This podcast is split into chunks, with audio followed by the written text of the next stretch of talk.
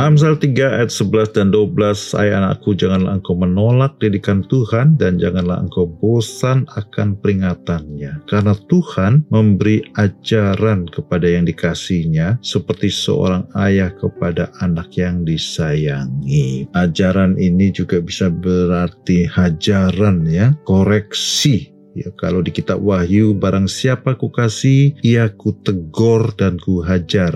Sebab itu relakan hatimu dan bertobatlah. Itu Wahyu 3 ayat 19. Artinya kalau disayang Tuhan, ya dikoreksi. Koreksinya itu mungkin menyakitkan ya. Sebab itu banyak orang yang menolak ya. Mungkin mengalami sesuatu yang sulit di hidupnya. Mengalami jalan buntu, mengalami kesulitan, mengalami sakit. Karena kesalahannya sendiri, bukan karena Tuhan. Nah dari situ Tuhan kemudian berbicara mengoreksi. Nah kalau seseorang mengeraskan hati, tidak mau mendengarkan koreksi dari Tuhan, akhirnya dia tidak bisa keluar dari persoalannya tadi. Padahal segala sesuatu itu diizinkan Tuhan karena Tuhan sayang kepada kita supaya kita berubah, supaya kita tidak terus mengambil jalan yang salah tadi. Kalau Tuhan tidak mengoreksi kita, berarti Tuhan tidak ambil pusing, biar saja pergi ke jurang sana. Tapi karena kita anaknya dan Tuhan adalah Bapa kita, maka kita dikoreksi. Sebab itu kita terima, kita berubah,